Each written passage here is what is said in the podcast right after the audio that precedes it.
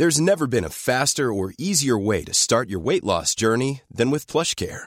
PlushCare accepts most insurance plans and gives you online access to board-certified physicians who can prescribe FDA-approved weight loss medications like Wigovi and Zepbound for those who qualify. Take charge of your health and speak with a board-certified physician about a weight loss plan that's right for you.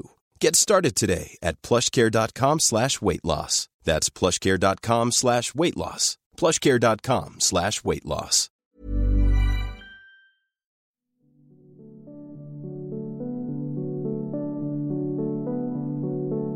I dette allerførste afsnit af sæson 5 kan der møde et handkøn, der ikke bare har reflekteret over det at være mand og menneske langt mere end de fleste, men også en mand, der har talegaverne i orden som du vil opleve i dagens episode. Jeg hedder Lasse Remmer. Jeg er 50 år gammel. Jeg er komiker og tv-vært. Lasse Remmer er ikke bare hvem som helst, når det kommer til stand-up comedy. Jeg vil gå så langt at sige, at han er en af en fornuftig håndfuld komikere, der var med til at få hele genren i 90'erne til at blive et mainstream fænomen.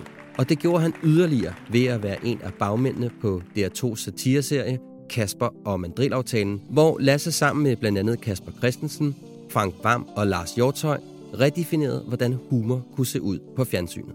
Lasse har en lang karriere bag sig som stand-upper, podcaster, tv-konceptudvikler, tekstforfatter, radio- og tv-vært. Og du kan for øjeblikket opleve ham som vært på TV2 Zulus underholdningsprogram Stormester. Jeg sidder lige og tænker på en gang, jeg har hakket nogle løg.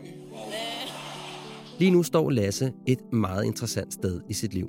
For her i sit 50. år arbejder han med vigtige områder i sig selv og er ved at få gjort op med nogle af de mønstre, han har båret rundt på i sit liv, som på mange måder ubevidst har holdt ham tilbage for at blive den, han i virkeligheden gerne vil være. Lyt med i dag til Lasses og min samtale, hvor vi blandt mange ting taler om at blive tydelig i sin egen behov, hvordan man tager ansvar for at føle sig tilstrækkelig for den, man er, og blive endnu mere opmærksom på ikke at miste sig selv i sine relationer i forsøget på at gøre andre tilfredse. Og så finder du også ud af, hvad det vil sige at være en distanceblinder.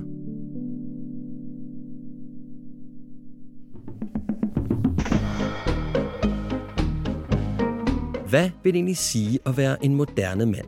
Og hvilke værdier skal man have styr på? Ikke bare for at have et godt forhold til sig selv, men også til sin partner. Disse spørgsmål og mange flere taler jeg om med mænd, som jeg finder inspirerende, og spørger ind til, hvad deres livserfaringer har lært dem. Alt sammen for at blive klogere på mig selv og min identitet som mand. Mit navn er Mikkel. Velkommen til Handkøn.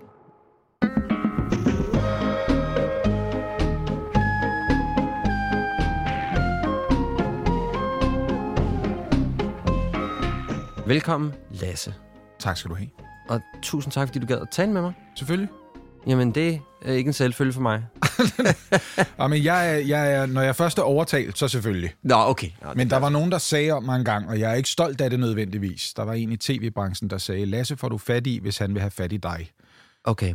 Og det er, det er ikke noget, jeg nødvendigvis er stolt af, men, men det var bemærkelsesværdigt rammende. Men du spurgte på det rigtige tidspunkt. Nå, det er godt. Og så synes jeg, at det lyder som om den måde, du prøver at tale om mænd og maskulinitet på, mm. ligger sådan lidt ind over, hvordan jeg selv har tænkt over tingene de seneste år. Men det vil vi jo finde ud af nu. Og det er Blandt det, andet, ikke? Præcis. Jeg starter altid med at tale om ansvaret, fordi altså, uden ansvar er der jo ikke sådan rigtig noget andet. Altså man bliver nødt til ligesom at være bevidst om, hvad man er, og hvorfor man er det. Ikke? Så jeg plejer sådan at stille det sådan lidt universelt, og at sige sådan, hvad er ansvar for dig? Jeg har forbundet ansvar meget med ærlighed. Jeg tror ikke, at man kan tage ansvar for sig selv eller for nogen andre, hvis man ikke tør være ærlig over for sig selv. Det har mhm. jeg ikke været god til gennem mit liv. Så jeg øver mig i det. Altså, jeg er 50, og jeg er stadig i gang med at arbejde på det. Jeg tror, at det er væsentligt for at være tåligt menneske for andre mennesker, man er klar over, hvad man har brug for, øhm, og hvor ens grænser går. Hvis mm. man ikke er ærlig over for sig selv om, hvad man har brug for, og hvor ens grænser går, så lægger man det ansvar over på andre. Ja. Og gennemskue det, og respektere det. Og hvis man har en oplevelse af, at det ikke bliver gennemskuet eller respekteret, nu siger jeg mand, hvis jeg for eksempel har mm. det sådan, så bliver jeg tilbøjelig til at blive ked af det og såret, og, og, og bygge bebrejdelse over det. Hvorfor kan du ikke se, at du overskrider mine grænser? Hvorfor forstår du ikke, hvad jeg har brug for? Uden, uden ord eller, eller, eller verbalt? Øhm, begge dele, okay. vil jeg sige. Jeg er jo et meget verbalt menneske. Jeg er jo, altså, ja. det er jo jeg er i fin kontakt med min feminine side på den måde, at jeg ja. taler meget gerne og meget længe om mine følelser. Og jeg taler også meget gerne og meget længere om andres følelser. Øhm, jeg er ikke altid så god til at lytte til andre mennesker, når de taler om deres følelser. Nej. Jeg, vil, jeg vil gerne være en duks, der viser, at jeg ved, hvordan de har det, og jeg gætter rigtigt, før de behøver at formulere det. Måske fordi det er det, jeg sådan, du ved, gerne vil have. Jeg vil gerne have, at andre siger, jeg ved godt, hvordan du har det. Det behøver du dårligt nok at fortælle mig. Så tydeligt er det, hvordan du har det. Ja. Så jeg prøver at gøre det samme. Det er jo det, vi gør. Vi gør for andre mennesker, hvad vi tror, vi gerne vil have, de gør for Ja. os. Ikke? Når du siger det der ærlighed, det bliver sådan lidt nysgerrig på. Altså, hvad er det, du tænker, at det der ærlighed kan? For det er jo også en meget direkte ting, ikke? Ja, altså jeg siger ikke, at jeg... Jeg siger ikke, at jeg er god til det endnu. Jeg tror... Nu kommer det til at være sådan, at jeg næsten skal lægge mig ned på en chaiselong, ikke? Vi kan godt lave en- fortælle en men imaginær jeg tror, jeg tror, jeg er opdraget til det, ikke? Jeg er meget Mm. opdraget til ikke at lægge folk til last, og til at prøve at yde mit bedste og give mere, end jeg får. Mm. Sådan i det hele taget. Og det er Ja. jo bare et regnskab, der ikke går op i længden. Hvis man hele tiden er bange for at bede om noget, men hellere gerne vil give noget, og så har en idé om, på et eller andet tidspunkt gennemskuer du, Ja. at nu er regnskabet sådan, at nu må jeg godt bede om noget. Ja. Ja. Og jeg behøver ikke engang sige det, for du kan vel regne ud, at nu er det okay, at jeg gerne også vil have noget tilbage igen. Og det er ikke rart for andre mennesker at skulle overtage det ansvar for at gennemskue, hvad det er, jeg har brug for, mm. hvad jeg gerne vil have. Og det er jo virkelig en ting, som sådan helt stereotypisk mænd har en tilbøjelighed til at runde af til en kvindelig egenskab. Ikke? Det er meget det der med, du, jeg kan ikke læse dine tanker. Du må fortælle mig, hvad du har brug for. Det er jeg meget konkret med den modsatte vej. I mine relationer har jeg altid, altså kærlighedsrelationer har jeg altid haft det sådan, at jeg siger, du ved, du, hvis du siger, hvad du har brug for, hvad du vil have, så vil jeg gøre mit ypperste for at imødekomme det. Ja. Men det nytter ikke noget, du bliver skuffet over, at jeg ikke giver dig, hvad du gerne vil have, hvis jeg ikke ved, hvad det er. Mm-hmm. Og det bemærkelsesværdige er, at det er præcis det, jeg selv har været tilbøjelig til at gøre. Ja. Altid. Ikke? Sådan lidt, at du, du må kunne forstå, at det her, det var noget, jeg gjorde for dig, og ikke for os, eller fordi jeg havde lige så meget lyst til det. Ja. For det var det, du ville. Ja. Så i sagens natur har vi gjort det, du ville. Det burde da lige være en streg i den ene side, Ja. hver gang vi gør Ja. det. Ikke? Så, så ærligheden er i virkeligheden sådan en, en kontra-move på det med ligesom at være sige sådan, nu har jeg gjort noget, og nu forventer jeg ligesom, at du kan regne ud, at nu har jeg faktisk brug for, at du lige ser mig de næste 14 dage. Ja, fordi det er Eller ærlighed som kontrast til uærlighed, og ikke til løgn. Altså, mm. det er det der med, at uærlighed er jo også bare ikke at være ærlig. Altså, det er også ikke at få formuleret noget, som ja. er sandt. Øh, Det er ikke det at lyve om det nødvendigvis, men der ligger jo en implicit løgn i, ikke at udtrykke helt klart og tydeligt, det her vil jeg ikke, eller det her det har jeg ikke lyst til, eller det her gør jeg, selvom jeg ikke har lyst til det. Mm. Fordi det skaber større muligheder for dig, og fordi det lader til at være det, der skal til for, at du bliver glad. Ja. Og det har jeg jo altid, du ved, det holder jeg stadig fast i. Selv med mit arbejde med det der med at være ærlig over for mig selv, og på den måde være et tydeligere menneske sammen med dem, jeg er sammen med, så er jeg, øh, så står jeg stadigvæk fast på, at ideen med at være i et forhold til et andet menneske, er nødt til at være, at man oplever, at man kan åbne verden mere for hinanden. Man kan gøre verden større. Ja, her er noget, du kan sammen med mig, som du ikke kan alene. Mm. Fordi der er jo til gengæld også ting, du ikke længere kan. Altså, fordi du er sammen med mig. Der er kompromiser, du er nødt til at indgå. Du kan ikke 100% selv bestemme, hvor du vil bo, eller hvad du vil spise, eller hvor du skal på ferie. Der er en masse ting, vi er nødt til at komme overens om. Så til gengæld for det, så bør jeg udvide paletten for, hvad vi så kan træffe af beslutninger i fællesskab. Ja. Vi kan opleve nogle steder og få mere ud af dem, fordi vi oplever dem sammen, men også steder, vi ikke kunne være kommet hen. Vi kan udfolde os i livet på en anden måde. Ja, ja og måske i virkeligheden også komme altså komme et helt tredje sted hen, ikke? Ja. Og i virkeligheden måske også, at det åbner op for nogle, som du, hvor du siger sådan, jamen, ja, det er rigtigt, du kan ikke få lov til at spise pasta pesto hver dag nu, eller tis for åben dør, det ved jeg ikke, det er måske nogen, der synes, det er spændende, men du ved, hvad jeg mener, Ja, ikke? Altså, ja, ja. Men når dine ingredienser møder mine ingredienser, så opstår der jo lige pludselig et helt nyt form for formbrød, ikke? Ja. Så vi tænker, gud, det skulle da interessant. Det formbrød havde jeg jo aldrig nogensinde fået flettet selv, hvis det var, at jeg havde været alene. Altså, der er jo noget ved os alle sammen, der gør, at vi ikke passer optimalt sammen med andre. Ja. Og det, der gør, at vi passer optimalt sammen med andre, det er vores egen øh, evne til at tilgive og rumme. Ja. Altså, det er groft sagt at være lidt ligeglad nogle mm. gange og sige, det er fint. Det er fint, det er en del af, hvem du er. Hvis jeg barberede alt væk, der ikke lige passede perfekt ind i min puslespilsbrik, så vil du ikke være det menneske, jeg elsker. Så derfor er jeg nødt til at elske også den del af det, hvor jeg siger, det vil jeg ikke have valgt selv. Det, mm. det vil ikke stå på min checkliste. Og på en eller anden måde, så har udfordringen for mig været, at jeg er endt i, øh, i forhold, hvor vi begge to har haft sådan lidt hensynsbetændelse, hvor vi er endt med at være uærlige over for hinanden i et forsøg på ikke at såre hinanden eller Ja. ja. skabe dårlig stemning. Disharmoni, det prøver man at undgå. Det er ikke rart. Nej. Nu har lige købt nye møbler og sådan noget, Ja, ikke? ja, så der er ikke nogen, der har lyst til at sige, hey, by the way, jeg er så pisse træt at du ikke kan finde ud af at bruge en toiletbørste. Gider du godt komme? Man har ikke lyst til at vende der anklager for den anden til at føle sig forkert. Men på den anden side, hvis det hober sig op, så ender det altså med et mere monumentalt vulkanudbrud end bare en lille smule lava. Det er rigtigt. Hvor, hvor tror du, det kommer fra, det der, den der sådan lidt hensynsbetændelse, eller den der med sådan at have, have et ønske om at passe ind og justere dig, og måske være lidt andægtig i nogle, i nogle tilfælde? Jeg, jeg er produkt af min opdragelse, jeg er produkt af mine forældre. Ja. Altså, det er sådan, mine forældre gør. Min mor især, som jeg ligner mest. Ja. Altså, men, men mine forældre er det hele taget to vestjyder, ikke? Og jeg ligner hende smertefuldt meget, ligesom min ældste datter ligner mig smertefuldt meget. Ikke? Man ja. vil jo enormt gerne skåne sine egne børn fra at blive de aspekter af ens egen personlighed, man selv synes har gjort livet svært. Jeg siger mand hele tiden. Jeg mener jeg. Ja, det ved jeg godt, og jeg kommer ikke til at rette Men jeg tror, men grund til, at jeg siger mand er også, at jeg tror, at noget af det er sådan universelt. Jamen, det er det 100%. Altså det der øhm. blandt det, du taler med mand, og der bruger vi et mand her. Ja. Man har så pisse travlt med ikke at træde den anden over fødderne. Ikke? Altså, ja. man har så travlt med det, du ved sådan, åh, man ved godt, der ligger noget dernede under regionen, man burde tage ud og kigge lidt på, men skal ja. vi ikke lade den ligge, for nu har vi lige ja, ja. bestilt de der billetter til La Santa Sport, ja. og kan vi nu ikke lige have det lidt rart? Kan vi, kan vi, skal vi ikke bare hygge os? Kan vi ikke prøve at være en familie bare i aften? Ja. Ikke? Øh, et af de udtryk, jeg har brugt urimeligt meget i løbet af de sidste 8-10 år, mm. øh, og jeg ved ikke, hvor jeg samlede det op henne, det er white knuckling, altså ideen om, nu spænder jeg knytnæverne så hårdt, for jeg skal bare lige igennem det her.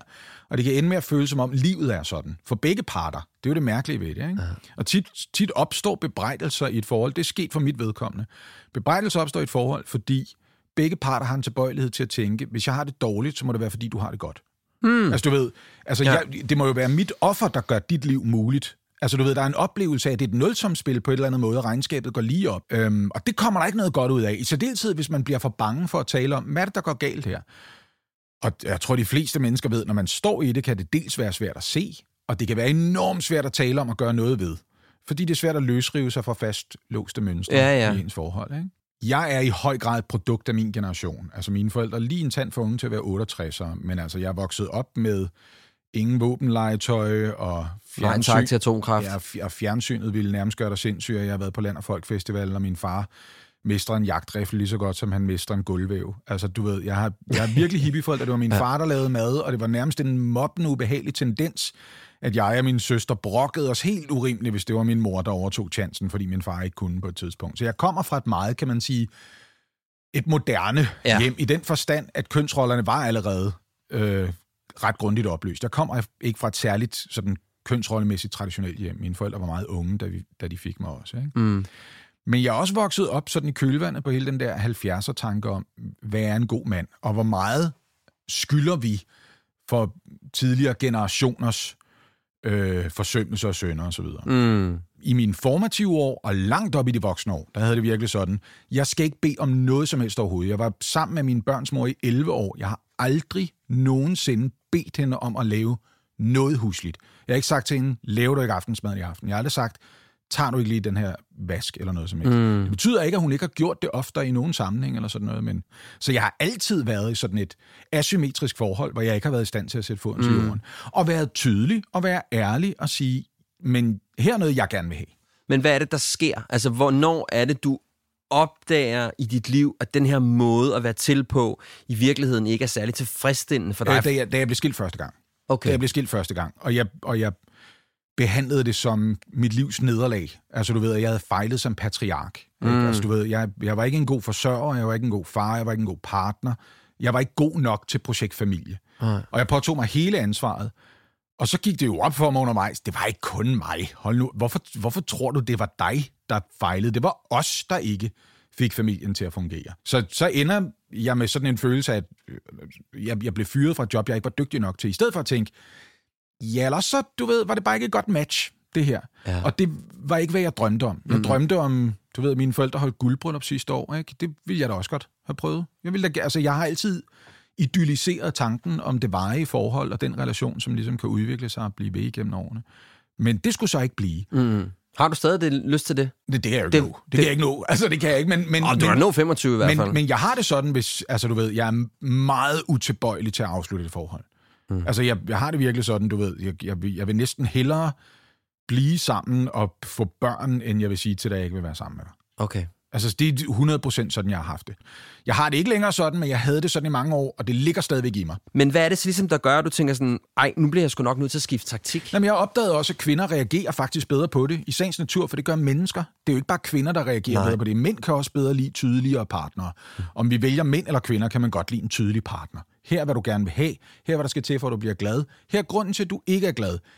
Det, det, man behøver ikke anvise en løsning. Det er jo sådan igen sådan en tilbøjelighed, ja. mænd måske i høj grad har. Vi har lært, lad mig løse dit problem. Og hvis jeg ikke kan løse dit problem, hvorfor skal jeg så lytte til det? Fordi så er det jo bare negativitet, du hælder af på mig. Du skal ikke komme hjem og fortælle mig, hold nu kæft, mand, fucking Frederik tager æren for mit arbejde igen og igen, så lyst til at sige, hvorfor gør du ikke det? Det er ikke det, der er pointen. Mm. pointen. Du, nu skal du bare lytte til, at Frederik er pisse til. Nu skal ikke fortælle mig, hvad jeg skal gøre.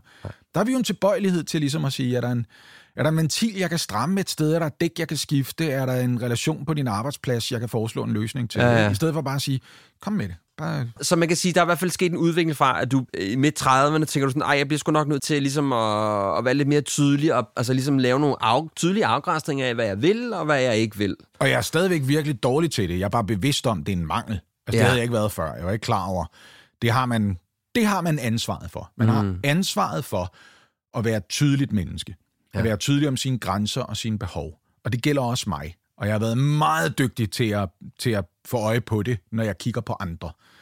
Men jeg har ikke været så god til at se det selv. Og ja. jeg er stadig tilbøjelig til det. Jeg, jeg, jeg var et godt stykke inde i et forhold for noget tid siden her, før der skete noget, som fik mig til at bruge timevis på at reflektere over det. Og så kom jeg til en erkendelse af, at du er i gang med alle de dårlige mønstre igen. Mm. Og det er ikke ærligt over for hende heller, fordi hvad du er i gang med, Lasse, det er at få det, du gerne vil have, uden at være ærlig selv om, hvem du er. Mm. For eksempel. Ikke? Det var mm. sådan lidt, jeg, jeg, vil, jeg vil gerne roses og anerkendes. Det er det, jeg gerne vil have. Det er min, mit, mit kærlighedssprog er anerkendelse og kærtegn. Det er de to ting, jeg har brug for. Fuck tjenester og gaver, det er, det er dejligt, men du skal rose mig, og du skal kærtegne mig. Mm. Det er det, jeg gerne vil have. Øhm, og hvis jeg får det, så er der ikke grænser for, hvilken cirkuspræstation, ja. jeg leverer for dig. Så er du en lille mis. Så jeg leverer alt, ja. og jeg spejler dig tilbage, og jeg er en kameleon, og jeg siger, hvad du vil have, og jeg gør, hvad du vil have. Ja. Jeg er den største duks i verden, bare du giver mig, hvad jeg gerne vil have. Og det er ikke fair over for et andet menneske at gøre det. Og en, og fejl, en fejlig recept, ikke? Og jeg kan overbevise mig selv om undervejs, det er slet ikke det, jeg gør. Det er overhovedet ikke det, jeg gør. Det her det er faktisk 100% af et ærligt hjerte, og jeg er virkelig nødt til lige at få det bare lidt på afstand og være ærlig over for mig selv, før jeg opdager, det, nu, nu lyver du igen. Ja. Nu lyver du over for dig selv, og det gør dig også til en løgn over for en anden. Og inden du får set dig om, så har du gået fem år, før du ligesom siger, hvor, hvorfor du ikke opdaget, at jeg slet ikke ville det her? Hvad for nogle røde lamper eller indikationer, du får, når det er, at du opdager med dig selv, at du lige pludselig er på vej ud den der, hvor at du bare nikker og bukker og siger, selvfølgelig skat. Jo, men det er jo, altså det har noget at gøre med, jeg synes jo lige grænselandet til øh, ærlighed, når du siger ansvar, ligger opoffrelse. Altså tanken om, det er meget ind, input i det mig, og jeg tror ikke, at det er en sund ting at knytte til ansvar, men det er det, jeg har lært. Mm. Jeg har lært, at du skal tilsidesætte dig selv og gøre bedre plads til andre. Så, øh, så, øh, så de røde lamper for mig, det er det øjeblik, jeg kan mærke, at jeg begynder at bygge til martyriumbunke et ah, sted. Det skal ja. jeg lige lade være med. Ja. Skal lige lade være med at sige, øh, nu er alt det, du var så glad for, blevet standard. Det er den nye hverdag. Så nu skal der mere til. Så bliver det sådan en det et gammelt popnummer fra min generation, ikke? så bliver det sådan en What have you done for me lately? Ja. Altså du ved, det er fint nok, det du gjorde, men hvad har du gjort for nylig oven i alt det andet? Vi skal også indfri vores egen forventninger. Mm. Ikke? Så det med, også det der med at altså, blive taget for givet, ikke? Ja, fordi jeg har en tilbøjelighed til ligesom at sige, prøv at høre, hvad du gerne vil have også godt. Og det er, ikke rart at være sammen med, og det er heller ikke særlig sexet i længden. Altså, det kan godt være, at kvinder tænker, ej, var han nem, men der kommer også et tidspunkt, hvor han, ej, var han usexet? Ej, hvor du behagelig. Hvad fanden vil du? Og du ved, jeg har aldrig brugt mig om det der udtryk med, du ved, jeg skal have en mand, der kan sætte mig på plads. Jeg har altid tænkt med mig selv, hvorfor kan du ikke sætte dig selv på plads? Er du ikke et voksent menneske? Stolen står lige der, sæt dig selv på plads. Ja. Det der med at sige, at nogen skal kunne gøre det, jeg tror, hvad de mener typisk, kvinder, som kan finde på at sige den slags, det er, jeg har brug for en mand, der er tydelig nok om, hvor hans grænser går til at sige, nu overskrider du mine, og det gider jeg ikke det der. Det skulle mm. du lige lade være med. Og det handler ikke om at være kontrollerende, det handler om det modsatte. Det handler om at undgå at være kontrollerende. Ja. Det handler om ikke at, at ende i en relation, hvor... For det sker jo faktisk stadigvæk, har jeg oplevet. I hvert fald i min generation, hvor der er sådan en stemning af, skal de spørge konen, om det er okay? Jeg ja. Ikke? Og det jo. dur ikke, for det har hun ikke respekt for i længden. Nej. Det dur ikke. Det betyder ikke, at man skal være hensynsløs i den sammenhæng, eller egoistisk nødvendigvis. Det betyder ikke, at vi havde en aftale men jeg har en aftale, jeg hellere vil, for jeg skal pleje mine sociale relationer uden for vores forhold. Mm. Men man kan 100% selvfølgelig bare sige, prøv at høre, på en aften, hvor vi ikke skal noget, så siger man, hvor jeg er hjemme, når jeg er hjemme. Selvfølgelig Ja. kan man det. Ja, ja. Fordi ellers, så forsvinder man. Du ved, så udviskes grænserne, og så er der ikke nogen kontur tilbage, så er der ikke noget menneske mm. tilbage. Vel? Så derfor, det, det er jo det, der er problemet for mit vedkommende, det er lige at, at gøre op med, hvor, hvor fint og nobelt det er at ofre. Netop det med sådan at ofre sig, der kan jeg godt mærke, at mit ene øje gør sådan lidt... Ja, ja, ja. Altså, der er et eller andet det der offer, som jeg ikke er sådan... Jeg, jeg kan bare mærke... Jeg, jeg, Altså, tæller, den jeg tænker bare side højt. af det er jo knyttet til forpligtelse, altså Ja. ja. til pligt. Og, og pligtfølelse er ikke en dårlig egenskab. Nej, nej, nej, nej, nej, nej. Øhm, men du har fuldstændig ret i, at, at bagsiden af medaljen er tab, og et tab af sig selv også, ikke? Fordi Jo. nu giver jeg køb på mig selv. Nu afleverer Ja. jeg noget, jeg ikke kan få tilbage, Ja, fordi og som så- jeg kommer til ja. at mangle. Ja, fordi så bliver det også noget med, så kan man sige sådan, jamen jeg offrede mig jo for, at du og dine veninder kunne komme til Mallorca. Og det er Eller jeg det, det- offrede, altså, og der begynder den at blive Det sådan det, det er martyrets lidt nabo, ikke? Altså, det ligger lige ved siden af, Ja, ja. ja. med alt, hvad jeg har gjort for Ja, dig. ja, Og det ja. dur ikke. Ja. Det kan du heller ikke tillade Nej. dig, fordi det er en, det, altså, man kan ikke give andre mennesker gaver, de ikke har bedt om, og bagefter sende dem en faktura, vel? Det er jo det, som at give dem en hundevalp, ikke? Hvordan har du det med kritik? Altså, jeg er, jeg er faktisk fra min nærmeste, jeg er overraskende god til at tage imod kritik. Jeg, kan ikke tage, jeg er ikke god til bebrejdelser, men du kan sagtens fortælle mig, at det her det er ikke godt nok, og jeg har brug for, at du gør det her bedre. Og sådan Okay. noget. Altså, det er 100 procent. Men kan du så ligesom ikke gå ind i den der, hvad skal man sige, ja, amme, og sige, "Nå, men det er rigtigt, hvad du siger, eller er det sådan, så du tænker sådan, okay, her er der en tag noget reel, konstruktiv kritik, som jeg skal tænke over. Jo, men altså typisk så er det jo ting, hvor jeg tænker, det, det anerkender jeg, det ved jeg godt, det der. Okay. Og det ved jeg godt er en svaghed, det vil jeg gerne være bedre til. Jeg har en forfærdelig ordenssans, eller jeg har ingen ordens, altså jeg roder meget. Okay. Øhm, det er ikke så rart at være i, hvis man selv er et ordensmenneske, eller hvis man bare ikke trives med andres råd. Det er jo typisk sådan, vi har det. Ikke? Man kan Mm. godt leve med sit eget råd. Ikke? Hvis jeg får at vide, jeg kan ikke trives med alt dit råd, det må du gøre noget ved, så anerkender jeg, at det er et problem. Det betyder ikke, at jeg kan løse det. Mm. Altså du ved, jeg kan gøre mit bedste, men, men, det, men det er svært at omlægge mønstre og vaner hos sig selv. Så det er typisk, hvad jeg så kan love, det er, at det jeg er klar over, det vil jeg gerne gøre en bedre indsats for. Så må du være tilgivende over for mig, når du er nødt til at minde mig om det en gang imellem. Mm. Og det er ikke et spørgsmål om, at du skal være min mor, eller, Nej, nej. Eller, eller noget andet, mm. eller er jeg din ansat eller noget, men du må godt minde mig om det, og så vil jeg anerkende, det har du ret i, det skal jeg også have gjort, og så skal du ikke have det dårligt med det. Så skal jeg gøre mit bedste for Ja, at ja. gøre noget ved det. Hvordan har du det med følelsesmæssig kritik? For eksempel, at I er til en middag, og så kommer du hjem, og så siger din partner til dig, ved du hvad, den der måde, som du ligesom fremstiller mig, når vi er ude, det gør mig enormt ked af det. Jeg Det har- vil jeg blive ked af det og skamfuld over. Ja. Altså, det, fordi det kan jeg godt forstå. Ja. Altså, det lige præcis det konkrete eksempel, du kommer Ja. med, det er, jeg 100%, hvis jeg ringeagter et menneske, jeg elsker offentligt, mm. det vil jeg have det rigtig dårligt med. Ja. Det vil jeg selv blive ked af, og det, du ved, det er typisk noget igen. Hvis man, hvis, man kan, hvis man kan se sig selv i spejlet, så er det meget, meget nemmere at tage det ind. Det er helt åbenlyst. Det nemmeste i verden det er at sige, det kan jeg godt forstå, for sådan vil jeg selv have det. Ja. Og det er jo ikke, hvad empati nødvendigvis er. Nej, empati nej. er jo at forstå, hvordan andre mennesker har det, selvom man ikke vil have det sådan mm. selv. Ikke? Men jo, så, så justeringer af din, af, hvad skal man sige, for at bruge sådan et et klamt klinisk udtryk, men af din adfærd, altså måder, som din partner gerne vil have, bliver anderledes Jeg tror, på. man, jeg tror, man altid skal være forsigtig med at skelne imellem og kritisere, hvad folk gør og hvem de er. For det kan nemt blive et udtryk, som bliver, hvem du er. Det vil Mm. jo psykologer og psykoterapeuter også meget ivrigt huske at sige til andre. Ikke? Det er, at de siger, pas rigtig meget på med at sige, du gør altid sådan her, eller det her, det er sådan, du er. Ja. Det er meget nemmere at sige, når du gør det her, bliver jeg ked af det. Ja, Den her handling afsted kommer den her følelse hos mig. ja. Det kan man gøre noget ved jo. Så kan Mm. man sige, jamen, det for, jeg, kan jo, jeg kan jo lade være med at gøre det, eller jeg kan begynde at gøre det her. Mm. Og forhåbentlig vil det betyde, at den følelse, jeg er årsag til med mine handlinger, Men Den- er det okay at komme Ja. den måde til dig? Ja. ja, det er tydelighed jo, Ja. for helvede. Det Ja. ja. er ikke at gå og pakke med det i stedet for. Ikke? Jeg har Mm. jo oplevet, du ved, det der, hvor både mænd og kvinder er blevet sådan lidt spøgefuldt kastreret af deres partner i sociale sammenhænge, og jeg sidder og krummer til, og, det er det, jeg har brug for at snakke om bagefter, så kommer jeg hjem og siger, det, det skal du bare lige vide. Det kan godt være, at det er sådan, de taler sammen. Det vil jeg blive rigtig ked af, hvis, Ja. det, hvis du gjorde det med mig. Hvis jeg var sammen med en, der var tilbøjelig til, altså, så havde hun- hun jo forlænget samtalen eller stemningen ved den lejlighed. Ligesom Ja, sige, ja. ah, med, ligesom med dig, der... Det er jeg usædvanligt følsom over for, det vil jeg gerne indrømme. Hvis du ikke synes, jeg er tilstrækkelig, eller hvis du synes, jeg er svigtet, så skal jeg bede dig om at sige det til mig. Og derudover, så den yderste konsekvens er, så vil jeg gerne være fri for at prøve at gøre dig glad. Og så vil jeg helst ikke være sammen med dig. har ikke mm. lyst til at være sammen med dig, og løbende føle, at jeg ikke er god nok til dig. Nej. Så skal du gå ud og finde en mand, der er bedre. Og så kan man godt stå i sit stillesind og tænke, åh, held og lykke med det.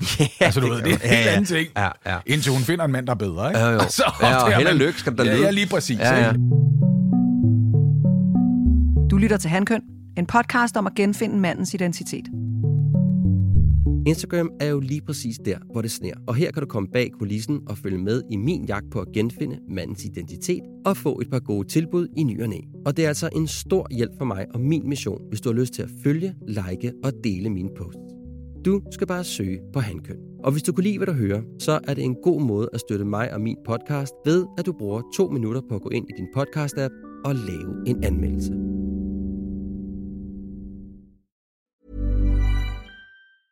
There's never been a faster or easier way to start your weight loss journey than with PlushCare.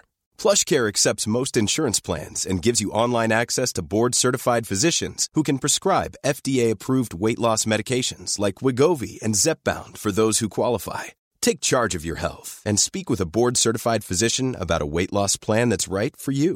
Get started today at plushcare.com slash weight loss. That's plushcare.com slash weight loss. plushcare.com slash weight loss. I'm Sandra, and I'm just the professional your small business was looking for. But you didn't hire me because you didn't use LinkedIn jobs. LinkedIn has professionals you can't find anywhere else, including those who aren't actively looking for a new job but might be open to the perfect role, like me. In a given month, over 70% of LinkedIn users don't visit other leading job sites. So if you're not looking on LinkedIn, you'll miss out on great candidates like Sandra. Start hiring professionals like a professional. Post your free job on linkedin.com/people slash people today. Og nu tilbage til episoden. Den næste ting, jeg lige vil tale med dig om, det er det at vide, hvad man gerne vil bidrage med til verden. Altså det at have et tydeligt formål. Altså hvorfor er det, at jeg går på arbejdet hver dag? Har du gjort dig nogle tanker om det? Den første del af det var i lang tid bare det, det handlede om for mit vedkommende. Okay. Jeg fucking, lav en familie, du. Lav ja. en familie og prøv at være en god far. Ja. Det var det. Og så blev jeg skilt fra mine børns mor og tænkte, det duede du ikke til. Og så, så, Hvad så nu? Og så, tror, ja, og så tror jeg, det er meget almindeligt at løbe ind i en eksistentiel krise, fordi man som mand i særdeleshed, eller som mand nu i særdeleshed, har en tilbøjelighed til at lægge meget af sin identitet i den rolle, man udfylder i familien, eller ikke formået at udfylde for den sags skyld. Det kan jo også være tilfældet. Ikke? Det er Mm. sådan lidt, hvem er jeg så? Hvis jeg ikke kan det, hvad er pointen med, at jeg er her så? Det kan da godt være, at jeg havde opnået mere arbejdsmæssigt og været dygtigere til det, jeg lavede, hvis det havde været vigtigere for mig, men det har aldrig været det vigtigste for mit vedkommende. Okay. Det har altid været en sideeffekt. Jeg endte med at lave, hvad jeg laver ved et tilfælde. Det var sådan lidt. Nå, hvordan det, det må du lige fortælle mig om. Det lyder spændende. Jamen, jeg har ikke haft en karriereplan, som siger, at du ved, du har spurgt mig, da jeg var 14, ville jeg jo gerne lave computerspil, ikke? Ja. Det, jeg ved godt, at hvis man googler det her, så står der alle mulige steder, han ville gerne have været præst. Ja, så træt af det citat, skal jeg jo lige sige. Nå, men nu kan jeg lige bruge den her lejlighed til bare lige at plaffe det ned. Min ja. mor var præst, og hendes farfar, hende var præst, og der er rigtig mange præstekraver på øh, familiefotovæggen derhjemme helt tilbage til, altså, 17 og hvidkål. ja, agtigt, ikke? Mm. Øhm, øhm, det var bare et interview engang, hvor jeg ligesom blev spurgt, "Nå, men hvad ville du så, da du, hvis du ikke var blevet komiker, hvad ville du så have blevet? Og så sagde jeg, jeg havde forholdsvis pænt snit, jeg overvejede alt muligt. Men det var mere sådan et udtryk for, hvor retningsløs jeg følte mig. At det mere var sådan en, "Nå, men hvad synes du er spændende? Der var ikke en karriereplan i det. Øh, der var, det der virker spændende, det kunne jeg da godt tænke mig at lave. Og så læste jeg dramaturgi og sidenhen filmvidenskab, og så kom jeg til at sige, at jeg kunne lige så godt have læst teologi. Det er jo også noget med at stå og tale til folk og sådan Og så blev det ligesom det, der var blev så blev det til, han overvejede at blive præst. Jo, jo, men han overvejede også antropologi og... og, og Og træsnit. Ja, ja, ja, Ja. og, og, og pædagogik. Jeg kiggede bare på det som sådan en buffet, hvor jeg kun måtte vælge en eller to retter, ikke? Jo. Øhm, og så kom jeg til at sige præst, så blev det en ting.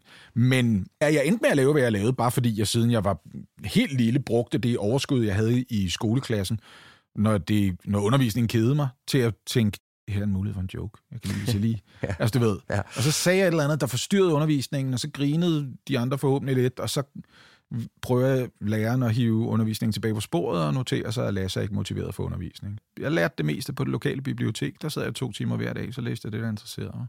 Der har ikke været et arbejdsmæssigt formål. Mm. Altså, det har der ikke været. Og det er noget, der øh, indhenter mig nu, hvor jeg er 50. Fordi det har været sjovt at lave det, jeg laver. Men der var ikke et formål med det.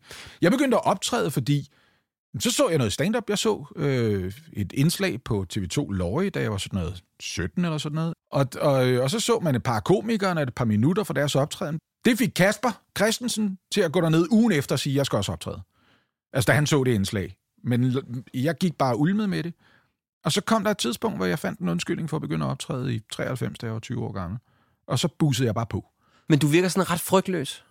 Er det Ja, i noget- forhold til det, jeg har sgu aldrig været bange for. Den Nej. del har jeg aldrig været bange for. Jeg er forfængelig, det skal du da ikke tage fejl af. Men jeg er forfængelig mest på min nærmeste vegne. Jeg bliver vred, hvis man siger noget løgnagtigt eller ufordelagtigt om folk, jeg kan lide. Eller hvis man slader om dem eller nedrig eller sådan noget. Altså, det, det er bare gået slag i slag. Det var sådan, du ved, det ene fulgte det næste. Så begyndte jeg at optræde, så jeg gerne. Det skulle da være spændende at tjene penge på at optræde. Det gjorde de andre. Så det ville jeg gerne. Og så var der nogen, der arbejdede som tilrettelæggere på underholdningsprogrammer. Det ville jeg da også gerne. Og så var der nogen, der var tv-værter, og så tænkte jeg, det vil jeg da også gerne. Ja. Altså, det, var, det, det har aldrig været sådan... Jeg begyndte ikke at lave stand-up for at komme i fjernsynet, for eksempel, eller blive tv. Jeg har aldrig haft en drøm om at blive tv-vært. Jeg vil gerne være skuespiller. Jeg vil gerne ses på. Mm. Jeg vil gerne bukke og klappe af. Selvfølgelig vil jeg det. Ja, ja, de kærlighedssprog jo. Ja, ja, og det er jo ikke, mm. altså, det er jo ikke en god motivation, vel? At knokle for at blive skuespiller for bifaldets skyld. Du er jo også ret sådan retorisk stærk. Der er mange ord i hvert fald. Hold nu kæft. Jo, jo, jo, men Ja. de er sådan relativt velfunderede, kan man høre. Det er jo ikke sådan, du så ikke bare siger... Øh... Jeg er god til at lyde overbevist. Og det kan lyde Ja. arrogant nogle gange, det ved jeg godt. Nej, men det ved jeg ikke, jeg ved ikke fordi nødvendigvis Altså, jeg- det er over... Men det er bare sådan, jeg tænker, der er jo, noget, der er jo sådan et eller andet med... Altså, jeg sidder jo sådan og prøver at sige, okay, hvad, altså, jeg prøver sådan at samle nogle tråde, ikke? Så jeg er sådan, okay, men der er noget med at være, at være frygtløs. Der er noget med, at du sådan... Det her interesserer mig. Det synes jeg, det, det kilder eller sted. det, er bare- det er bemærkelsesværdigt i det, det er med det samme, du siger frygtløs. Jeg kan godt forstå, hvordan det kan se sådan ud på, hvad det er, jeg har lavet, og hvad det er for valg, jeg har truffet. Mm. Men jeg føler mig ret frygtsom. Altså, jeg er jo Okay. ikke... Altså, det, jeg, jeg, jeg, jeg, jeg, jeg ventede meget længe med at lave det første soloshow, Okay. fordi jeg har... Jeg gjorde mig ikke umage, da jeg søgte ind på teaterskolen, for eksempel. Jeg var tættest på at komme ind. Jeg tror, jeg søgte ind tre år i træk. Og jeg var til nogle anden prøver, som er sådan næst sidste Mm. led, og jeg var til en enkelt tredje prøve. Det år var jeg var til både anden prøve og en enkelt tredje prøve. Men jeg nåede dertil, på trods af, at jeg gik til prøve, så dårligt forberedt, at jeg gik i stå i teksten fire gange det samme sted. Fordi jeg havde gået rundt øh, i fældeparken natten før jeg skulle til første prøve, og øvet teksten, fordi jeg ikke kunne den. Altså, ja. du ved, det, det, det niveau, jeg var på, så jeg havde spillet den sådan for mig selv i nattens mørke der, Ja. Den her forårsnat. Så jeg gjorde mig ikke umage. Hvad jeg prøver at sige med den anekdote, det er, det kendetegner, hvad jeg har gjort i det hele taget, det er, altså, der er en populær amerikansk podcastvært, der hedder Mark Maron. Mm-hmm. En bitter stand-up-komiker, Ja. som havde kuldsejlet sin karriere på at være indebrændt, overvurdere sit eget talent, tage for meget coke. Han åbner et af sine shows med at snakke lidt, og så siger han, lad os se, hvordan det her går. Det bliver spændende. Jeg har, jeg har virkelig ikke forberedt mig særlig godt på det her. Og så siger han, fordi jeg tænker sådan her på det. Hvis, øh, hvis det her det bliver en succes, så er jeg et geni, for jeg har dog nok forberedt mig. og hvis det bliver noget lort, så ja, jeg har jo ikke forberedt mig. Ja. Altså du ved, og det er meget sådan, jeg er gået til tingene. Hvis du ikke prøver, kan du ikke fejle. Ja. Altså du ved, det, det ramte mig lige solar plexus, da han sagde det. Jeg tænkte, det er hele mit arbejdsliv. Ja. Hele mit arbejdsliv, det er, du er kommet enormt nemt til det igennem hele din skoletilværelse. Nu har du bare vendet dig til, jeg kan med en meget lille indsats klare mig lidt over middel. Mm. Og det kan være godt nok. Ja. Men jeg skal arbejde lige så hårdt som alle andre, hvis det skal være rigtig godt. Og der er en risiko for, at det ikke bliver lige så godt, som det de laver, når de arbejder rigtig hårdt. Altså, ah. hvis jeg Ah. arbejdede lige så hårdt som Jonathan Spang, ville jeg nok ikke være lige så dygtig som, som Jonathan Spang. Men jeg, jeg, jeg har ligesom Schrödingers kat-talentet. Jeg har ikke åbnet æsken. Nej. Altså, jeg har ikke gjort mig umage. Hvis jeg virkelig gjorde mig umage, og, jeg, og det pudsige det er, når jeg har gjort mig umage, og det har jeg gjort to gange. Ikke? Det sidste soloshow, jeg lavede her for nogle år siden, 2019, der gjorde jeg mig umage, og det blev godt.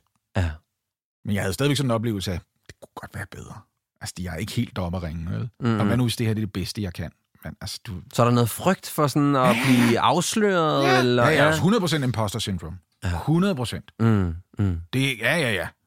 Ja, ja, men det er ikke, fordi jeg tror, jeg er talentløs. Det er bare, jeg, jeg, jeg har bare altid jokende sagt, jeg har en fin tv-værtskarriere ud af at tage telefonen, når Huxi Bak har sagt nej. altså, hvilket nok ikke er rigtigt, vel? Nej, og jeg plejer ligesom at joke om det, at hvis vi er nødt til at lave to takes på et eller andet på en optagelse, altså du ved, så siger jeg, at vi må hellere få den i kassen nu, fordi de har Felix Schmidt på speed dial, ikke? Jo. Altså du ved, de kan altid hive en dygtigere fyr ind. De kan Ja. altid finde en, der er bedre til det her. Ja, ja. Det ved jeg godt. Jeg har aldrig bildet mig ind, at jeg har fortjent det arbejde, jeg har. Men på den anden side er jeg ikke så dum, at jeg tror, at jeg ingen faglighed har. Jeg ved godt, jeg kan noget. ja. Hvad det, du kan? Jeg er, jeg er en dygtig distanceblinder. Hvad, hvad betyder det, en distanceblinder? En distanceblinder er en, der er i stand til at få, hvad hun eller han kan til at se ud af så meget som muligt. Og først og fremmest til at hejse det som et værn, der ikke kan gennemtrænges, mm. hvis det giver mening. Gør det. Altså det, jeg mener, det er, hvis du, hvis du stiller mig et spørgsmål om et emne, jeg ved en lille smule om, så får jeg den lille smule, jeg ved, til at lyde af mest muligt, også nærmest defensivt. Så du nærmest ikke har lyst til at spørge mig mere. Du ved, det fungerer godt, hvis man er til eksamen i gymnasiet eller folkeskolen. Det fungerer ikke lige så godt på universitetet, skulle jeg helt sige. Men, Mm-hmm. Eller en relation. Ja, eller en relation for den sags skyld. Ja. Men det, der virker det skide godt. Det virker skide godt i radioen. Det virker faktisk også okay på tv. Mm. Det væsentligste er, at man kan kigge i optikken og lyde som om, jeg ved, hvor jeg skal hen med det her. Mm. Og heldigvis kan jeg det med ord. Jeg er bare ikke... Jeg har aldrig nogensinde lært eller arbejdet med at være et, have en indtagende personlighed eller sådan noget. Jeg kan godt virke kølig og standoffish. Okay. Altså, det ved jeg godt. At der er noget... Der er noget... Der er noget, der bare... Der er noget ved mig, er jeg klar over, som måske godt kan minde lige lovlig meget om duksen, der altid sad med fingrene i vejret. Mm. På trods af, at jeg ikke var duksen, der sad med fingrene i vejret. Jeg var ham, der blev smidt uden for døren, fordi jeg lavede for mange jokes. Ja. Men jeg var godt klar over, hvornår man skulle stikke fingrene i vejret for at få en god karakter. Så det vil sige, at din karriere har været sådan lidt... Det, du egentlig lige sådan synes har været spændende, at sådan kunne sige, jeg gør det til, det er godt nok, Ja. Og så ser vi ligesom, hvad der sker. Jeg vil også være dygtig til det. Det er det, men jeg har bare ikke, jeg har ikke ønsket mig at blive dygtig til det ved at arbejde hårdt. Nej. Jeg har ønsket mig, at det skulle komme som en del af en leg, der stadigvæk var sjov, kan man sige. Jeg for eksempel havde det sådan, at uh, P3 genopfandt sig selv i 1990. Så efter nogle år, så sad jeg og hørte deres formiddagsprogram, som en overgang hed Straks. Og så tænkte jeg ved mig selv, jeg kan, jeg kan ikke forstå, hvorfor de ikke har hyret en komiker til det. Jeg ville da være god til at lave det der. Jeg har aldrig lavet radio, men det tror jeg faktisk, jeg ville være god til. Og så endte de faktisk med at hyre Lars Hjortøj, og han var rigtig god til det. Mm. Så så havde de ligesom brugt deres krudt på at have en komikervært. Mm. Og så endte Lars jo, og jeg jo med at lave radio sammen sidenhen på en kommersiel radio fra 2003 til 2006-7 stykker. Øhm, og der gik jeg da efter at være dygtig til det. Jeg ville gerne være dygtig til det. Mm.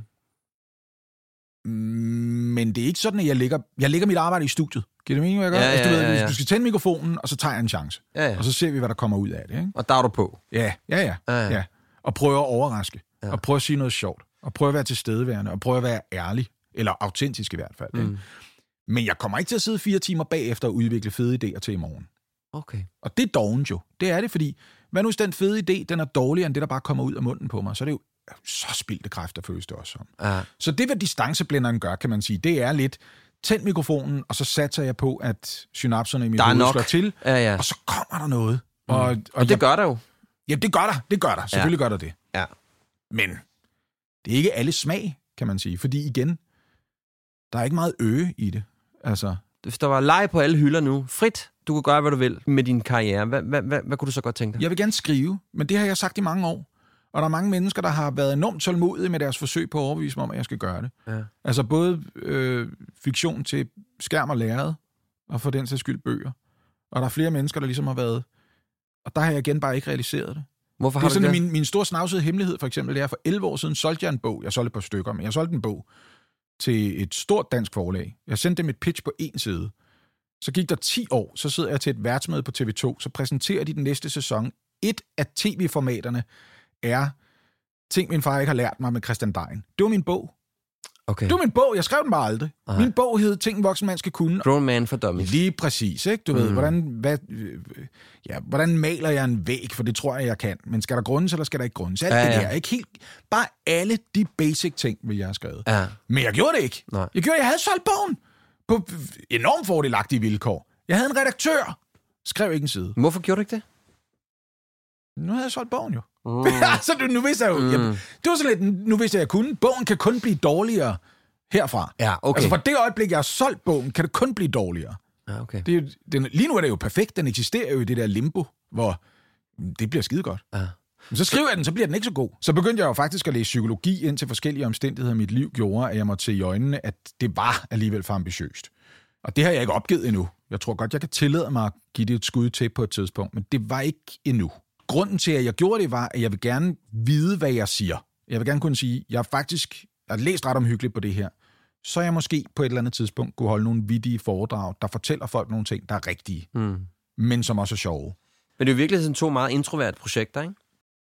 Jo, men det er jo også en nem måde at undgå at tage ansvar for ting på. Ikke? Nå, men hvis du sætter dig ned og skriver en bog, for eksempel, at du vælger at tage et psykologistudie i en eller anden, altså, i en eller anden form, det er jo sådan, tænker jeg, der er sådan ret Jeg, jeg har sådan ret offentligt beskrevet mig selv som introvert i flere sammenhænge indtil nu, men jeg har ikke kunnet gennemskue endnu, hvad det er, der skyldes, at jeg kalder mig selv introvert. Fordi et aspekt af det kan jo bare være, det er, øh, det er enormt belejligt ikke at påtage sig ansvaret for at få en social sammenhæng til at fungere. Du lader vel op, når du er alene, ikke? Jo.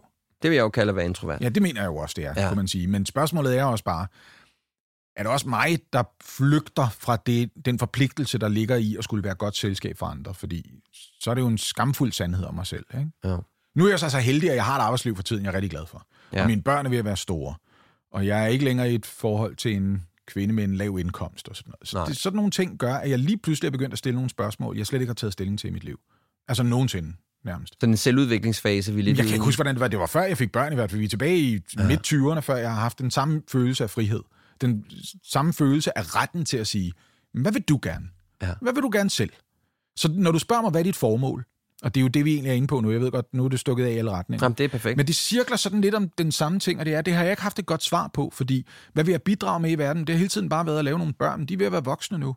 Og på godt og ondt er det blevet, som det er. Og forhåbentlig så, så, så tilgiver de mig de måder, jeg har svigtet dem på. Og det er ikke, fordi jeg har været et enormt svigtende menneske. Det er slet ikke det. Jeg tror bare, at man skal passe på med det der med ikke at påtage sig ansvaret også i forhold til, hvem man er over for sine børn. Det er aldrig de ting, vi selv hæfter os ved, de kan huske selv. De ting, jeg husker fra min barndom, kan mine forældre dårligt huske. Mm. De formative oplevelser, hvor det virkelig var det øjeblik, det er bare blevet siddende. Det siger alt om, hvordan jeg havde det i de to år. Og de har det sådan, ja, det vidste jeg slet ikke. Mm-mm. Det, jeg slet, det har du aldrig sagt. Mm-mm. Nej, fordi det var, det, det var noget, jeg oplevede jo. Ja.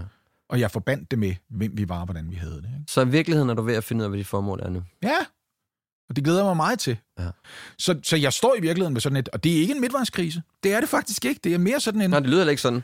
Altså, det, og det, ja, det lyder som om... Altså, det, det lyder altid sådan, hvis man siger, det er ikke en midtvejskrise. Det er- Nej, nej, nej, 100% det mener jeg, jeg mener oprigtigt, det lyder ikke sådan. Det lyder bare som, at nu har du faktisk muligheden for, nu får du faktisk for første gang i mange, mange år, luft til at finde ud af, hvad fanden er det egentlig, jeg har gang i? Ja, og det er derfor, jeg tænker, det er grunden til, at jeg helt defensivt sagde det, det er, at det er jo typisk, det er jo typisk, når mænd når til et punkt, hvor de har for eksempel økonomisk overskud eller råderum i livet til at træffe nogle beslutninger, så er det, de køber den der åbne sportsvogn. Og så tænker man, ah, hvad er det? Var det en kliché? Jo, jamen, det havde han også gjort som 20 år, hvis han har haft råd. Det har ikke en skid at gøre med, at nu skal han have en sportsvogn. Det er, nu har han råd til at have den sportsvogn. Det er en garage, han kan parkere den i, så han kan veteranbilsforsikre Det er praktiske omstændigheder, der gør. Ja, ja. Det er noget helt andet, hvis man får sin første tatovering som 50 år. Ja Ja, ja det er rigtigt. Vil jeg sige. Nå, lad os- Eller den unge kæreste, men der var jeg over 35, så det synes jeg heller ikke tæller. Du lytter til Handkøn, en podcast om at genfinde mandens identitet. Lasse er en af flere mænd, der har været bag mikrofonen, der lever af at få andre til at grine. Du kan blandt andet møde Michael Wulf fra Wulf Morgenthaler, Det var ikke et intellektuelt hjem, men det var klart, at der herskede en total ateisme i hjemmet. Man siger, at du lever på den her jord i de der 60, 70, 80 år. Der findes ingen sådan metafysiske udveje. og Heino Hansen. Der er jo hele tiden dårlig samvittighed på drengen. Altså, når jeg sidder her, tænker jeg, Nå, okay, nu er jeg ikke hjemme. Og når jeg er hjemme, tænker jeg, nu er der 800 kollegaer, der overhælder mig. Find afsnittene længere ned i dit feed, eller klik på linket i show notes. Har du gjort dig nogle overvejelser om, hvad for nogle følelsesmæssige behov du har i din relation? Jeg har været i terapi nok, også parterapi nok, til at få sat ord på, Mm. hvad det er, der får mig til at melde mig ud og ind. Altså, hvornår jeg er til stede. Hvad, hvad, er, det, hvad er det, jeg skal fodres med, for at automaten bliver ved med at, at spytte ud? Ikke? Mm. Så jeg har forstået, at jeg har brug for anerkendelse og kærtegn. Det er de to ting. Og jeg har typisk en tilbøjelighed til at vise min kærlighed på samme måde, for det er det, vi gør. Ikke? Ja. Jeg siger ligesom, det her det er det, jeg har brug for. Nu prøver jeg at vise dig, hvordan det er, jeg gerne vil behandles. Så er der det ved det, at jeg har da faktisk ofte været i forhold til kvinder, der for eksempel har tjenester som kærlighedssprog. Og det er jeg ikke så tilbøjelig til lige at tilbyde dig eller give dig. Fordi jeg er den, der hele tiden sørger for, at du føler dig elsket via mine ord. Se Mm. mm. dig anerkendt på den måde, rost. Og du kommer aldrig til at savne kys eller berøringer eller sex, eller ja, det ved jeg ikke, om du gør. Within reason. Men, ja, within reason, det er, det, jeg, det er det, jeg prøver at tilbyde den anden vej. Ikke? Ja. Så er det da klart, så bliver man jo skuffet, hvis man ikke selv føler sig mødt på den måde. Jeg ved, at det er de ting, der skal til. Jeg ved, at jeg havde et alvorligt forhold, hvor jeg hen mod slutningen ikke var erfaren eller voksen nok til at forstå, at den var gal. Nej, det er sket mere end en gang, går det op for mig nu. Altså, når jeg kommer til det punkt, hvor jeg, hvor jeg er begyndt at være nødt til at bede om hvert eneste kys, jeg får, så burde jeg vide, det er dødt nu. Ja. Det, kan ikke, det kan ikke være... Du ved godt, at... Ikke mindst, fordi jeg siger det. Ja. Jeg har lige brug for, at du kommer over og kysser mig nu. Mm. Og hvis jeg er nødt til at sige det for hvert eneste kys, jeg får, så er vi jo færdige med hinanden nu. Så der er i hvert fald noget med, at du har brug for at blive anerkendt for det menneske, du er, og det mand, du er, og du har brug for at blive nusset og rørt og så videre. Hvad så noget Hvis med... du fortæller mig, at jeg er dygtig og god nok, og du gider kysse mig, og også gerne have sex med mig, så er jeg den nemmeste mand i verden. Okay, that's it. Jamen, det betyder ikke, at du får det, du gerne vil have af mig. Men jeg, men jeg vil Nå, men enormt så er du gerne glad. give dig det. Jeg vil enormt gerne give dig det. Mm. Altså, det, det, det, jeg kommer ud 100% til, hvis du beder mig. Men det bliver stadigvæk sådan, du kommer stadigvæk selv til at bede mig om det fra tid til anden. Så kommer du stadigvæk til at sige, jeg har lige brug for hjælp med det her, eller gider du ikke lige gøre det her? Selvfølgelig. Ja, ja. Selvfølgelig gider jeg det. Ja, ja. Men Hvad- nogle gange er du nødt til at sige eksplicit, øh, jeg, jeg har lige brug for, at du vasker gulvet. Mm. Jamen, selvfølgelig gør det. En ting, jeg har meget, det er sådan, jeg har rigtig meget brug for at lege. Ja. Altså, ikke sådan nødvendigt, at vi skal stå med at spille stangtennis inde i stuen. At der er noget legende, at der er humor, at der er sådan Jamen, det er det, jeg, en lethed. Jeg tit har oplevet mig selv, som jeg har følt mig som en skuffelse.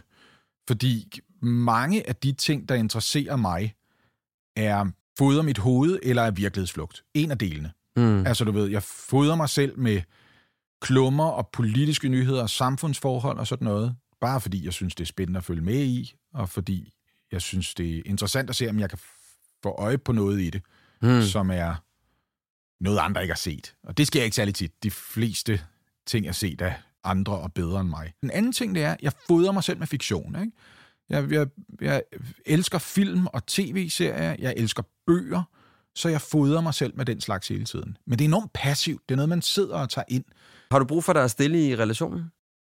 Nej, men jeg har det nemmere ved det, tror jeg, end mm, de partnere, jeg har haft. Okay. Jeg har ikke brug for, at der er stille. Jo, nogle gange har det sådan lidt, nu kan vi ikke... ikke. Ja, ja. Og hvad, Der, hvad, der er faktisk en ting, der Mm. provokerer mig enormt meget. Det er sådan lidt, du skal, du skal, ikke, du skal ikke bede om min tid, fordi du keder dig. Altså, det gider jeg ikke. Nej, nej. jeg, er ikke. jeg er ikke din diversion. Du skal ikke starte en samtale, fordi du ikke lige gad lave noget. For jeg har noget at lave. Så hvad du beder om nu, det er, at jeg til side sætter, hvad jeg gerne vil for at underholde dig. Fordi du ikke kan finde ud af at være alene med dig selv, eller du ikke kan finde på noget bedre at lave, mm. eller starte mig, kan man sige. Og det betyder ikke, at jeg ikke vil være sammen med dig. Men hvis du kommer til mig, du ved, det har jeg, altså, du ved, det har jeg helt passivt og aggressivt brugt i begyndelsen, og jeg er ikke stolt af det, men det har jeg gjort i begyndelsen af nærmest alle forår, jeg har været i. At hvis jeg sidder og ser et afsnit af en tv-serie, jeg rigtig godt kan lide, og jeg er ret kredsen med, hvad jeg ser faktisk, men så ser jeg dem til gengæld også trofast. Så kan være 20 minutter inde i den, så begynder hun bare at tale til mig og sige, altså nu på lørdag var, så trykker jeg på pause og siger, vent lige lidt, undskyld, hvad var det, du sagde? ja. Og så stiller hun sit spørgsmål, og så svarer jeg, og så siger du, er det okay? Og så siger hun, ja, ja, bare vi har en aftale. Så starter jeg den igen, så siger hun, men vil du hellere, undskyld, nu stopper jeg den igen. Så kan du lige stille mig dit spørgsmål. Ja. For du skal forstå, at hvad du gør lige nu, det er, at du ringeagter den måde, jeg bruger min tid på, og vurderer, at din tid er vigtigere. Og det er okay, at du synes, din tid er vigtig. Mm. Du er bare nødt til at forstå, at det er det, du beder om. Og det kan jeg jo sige direkte i stedet for. Ja, ja. Men det er enormt konfrontatorisk at gøre det, ligesom at begynde at sige, tv-serien er vigtig, om vi skal besøge din mor. Selvfølgelig er det ikke det. Der er bare det ved det. Du kan også have spurgt efter at have set serien, ja, ja. før jeg begyndte ja, ja. på den, ikke? Men, men det med lejen, hvordan har du det med det? Jeg kan godt lide tanken om det. Jeg ved ikke, hvor meget jeg gør det. Nej. Altså, det ved jeg faktisk ikke, hvor meget jeg gør. Altså, jeg har enormt meget lyst til det, men jeg ved ikke, hvor meget jeg gør det. Det er sådan noget, du ved. Jeg gjorde det med mine børn og sådan noget, ikke? Det mm. kan vi jo også selv, nu, nu hvor de blevet store. Jeg ved ikke, om jeg er god til at lege stadigvæk. Det har måske også noget at gøre med, at for mig er der jo stadigvæk sådan noget solo i, bare at stille mig op og underholde. Så Ja. i en vis forstand får jeg det ud af det. det. Jeg tror, det var derfor, jeg på et tidspunkt sagde, jeg er blevet gift to gange, men jeg har begge gange haft det sådan. Jeg, jeg tror, grunden til, at jeg ikke kan forstå den der klassiske polterarm, hvor man klæder sig fjollet ud, det er, det har jeg jo gjort. Jeg lavede Ja. ja. mandrillaftalen. Jeg har jo ikke brug for at se fjollet ud på strøget. Jeg har jo set fjollet ud på tv. Altså, det, for Ja. ja. mig er det grænseoverskridende. Ja. Forstår du, hvad jeg mener? Ja, ja, Der er ja. ikke noget med, oh my god, folk kigger, mand. Nej, nu er det lidt ydmygende for dig. Men det er det jo ikke. Jeg, er du klar, hvor dum jeg har set ud, mand?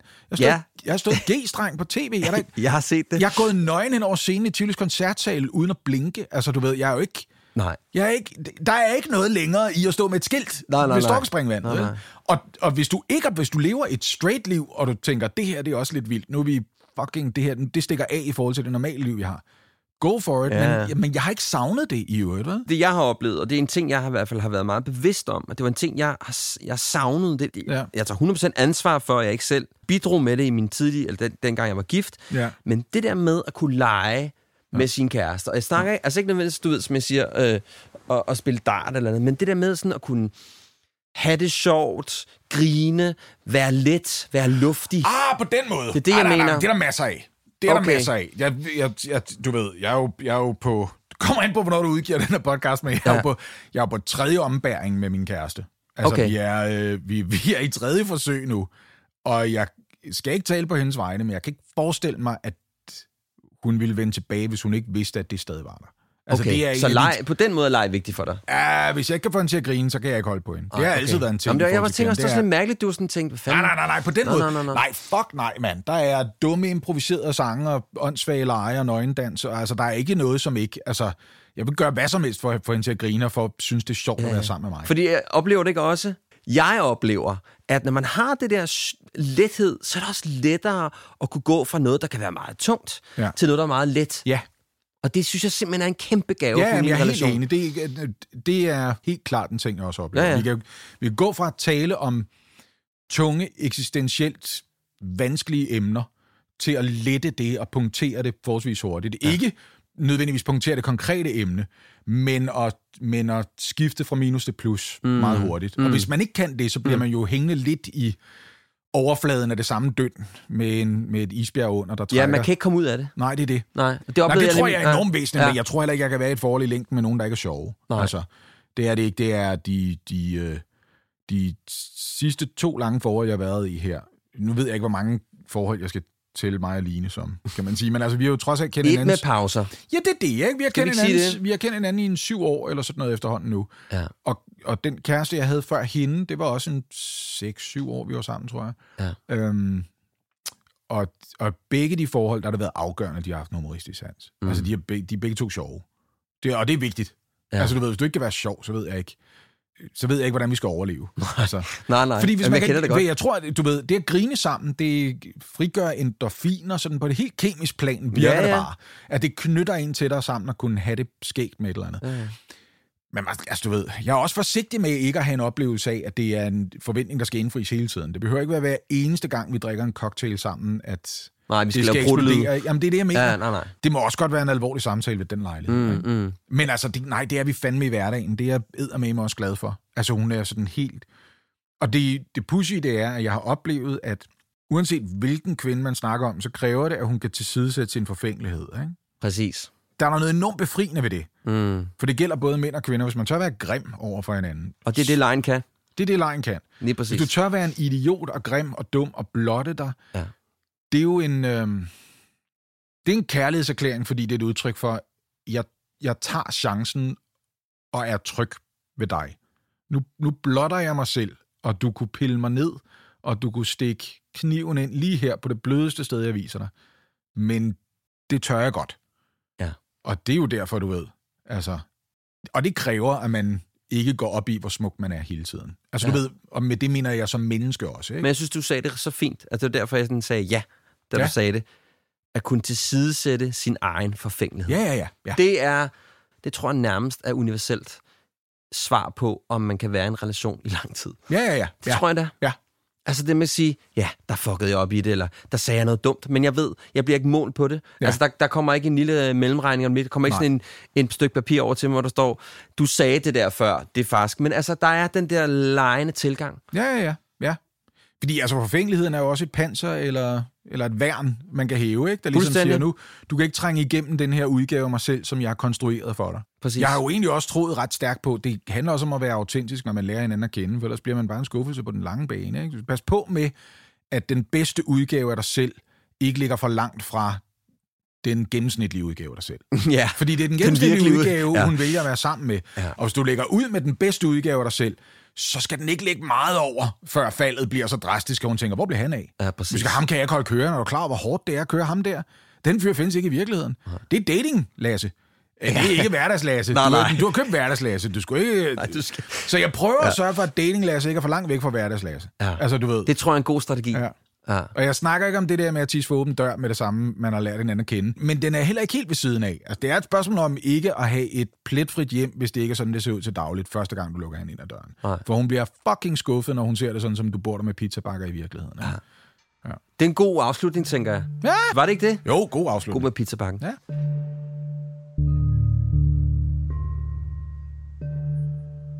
Vi tager den sidste. Ja. Absolut ikke mindste.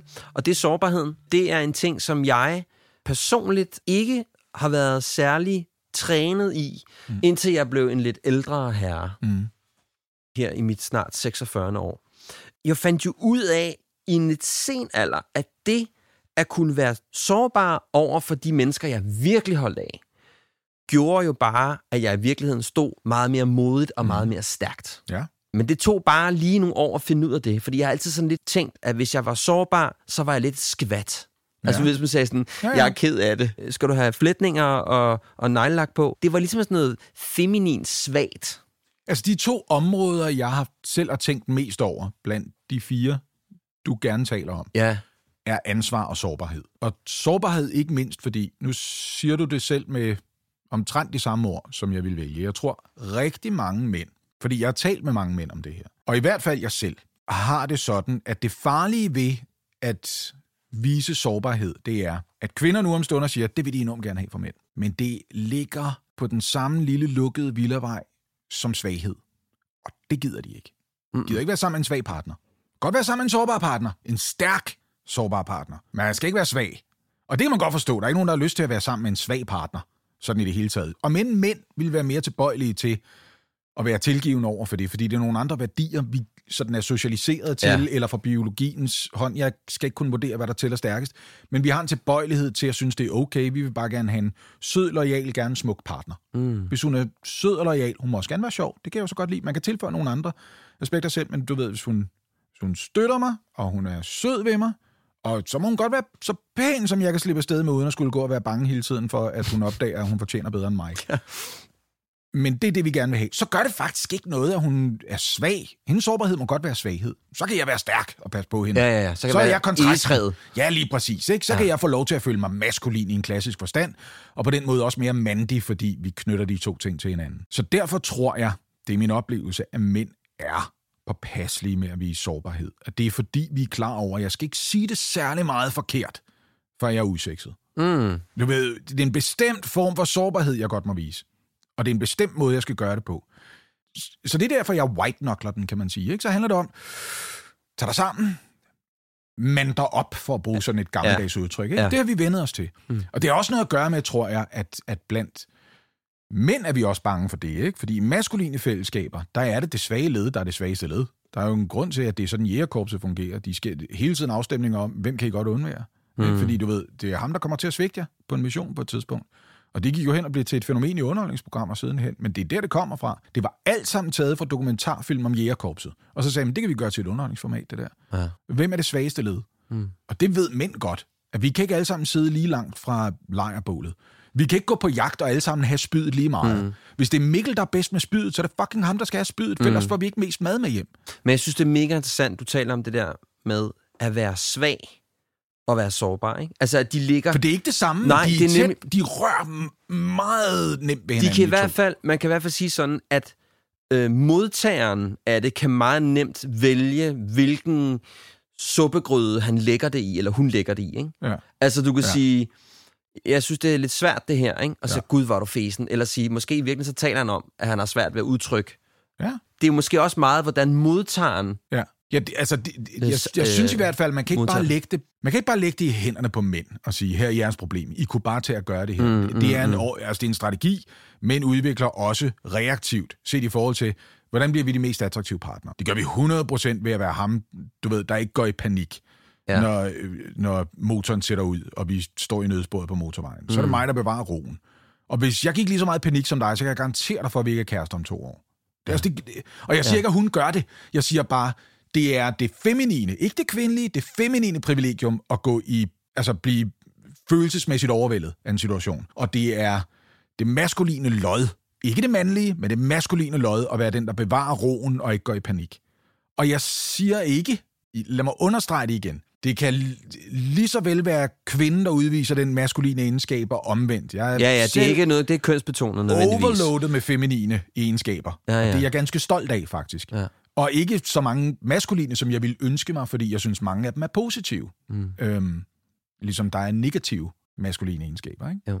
Og hele den her rapplende tale bevæger sig egentlig bare frem imod, at, at, at det er altså, det er ikke bare noget, vi har skruet sammen for at være besværlige, eller for at være giftige, eller noget som helst. Og det er ikke min oplevelse generelt set, at mænd i min generation er bange for at græde. Altså, det har jeg slet ikke en oplevelse. Jeg er ikke selv svært mm. ved det.